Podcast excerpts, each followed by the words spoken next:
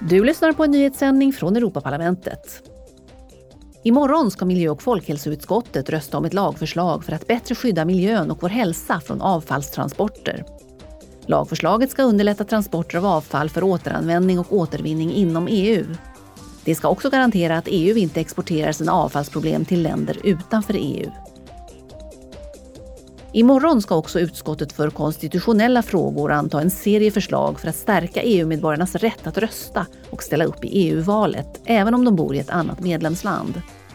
Förslagen ska underlätta för de EU-medborgare som bor utanför sitt hemland och se till att så många som möjligt kan delta i valet till Europaparlamentet 2024.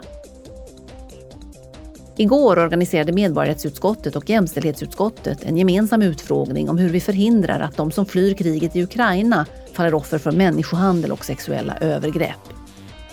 Du har lyssnat på en nyhetssändning från Europaparlamentet.